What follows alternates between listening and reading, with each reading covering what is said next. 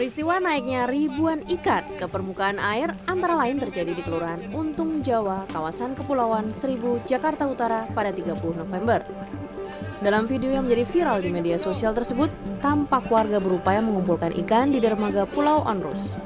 Pada hari yang sama, ribuan ikan juga dilaporkan menepi ke daratan di sekitar Pantai Mutiara di dekat apartemen Regata, Jakarta Utara. Panen, panen, Panen. Yang terbaru, peristiwa naiknya ribuan ikan ke permukaan terjadi di Sungai Ciujung, tepatnya di jembatan Jalan Raya Serang pada 1 Desember. Ratusan orang yang berada di bantaran sungai pun berebut menjaring beragam jenis ikan untuk dibawa pulang. Kepala Pusat Meteorologi Maritim BMKG Eko Prasetyo menyebut, penyebab peristiwa naiknya ribuan ikan ke daratan itu masih membutuhkan penelitian lebih lanjut. Ini para peneliti masih menduga perlu penelitian lebih lanjut. Bisa disebabkan oleh perbedaan kadar oksigen dari laut yang lebih tengah ke pesisir atau garis pantai. Dan ini bukan tersebab oleh terjadinya gempa. Sekali lagi, masyarakat tidak perlu panik. Ini bukan karena adanya gempa.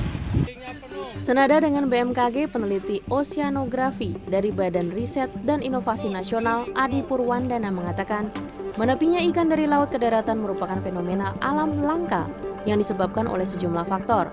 Yang uh, perputaran atau sirkulasi arus di Teluk Jakarta ini kemudian uh, menjadi uh, memicu turbulensi uh, turbulensi di sekitar Teluk Jakarta.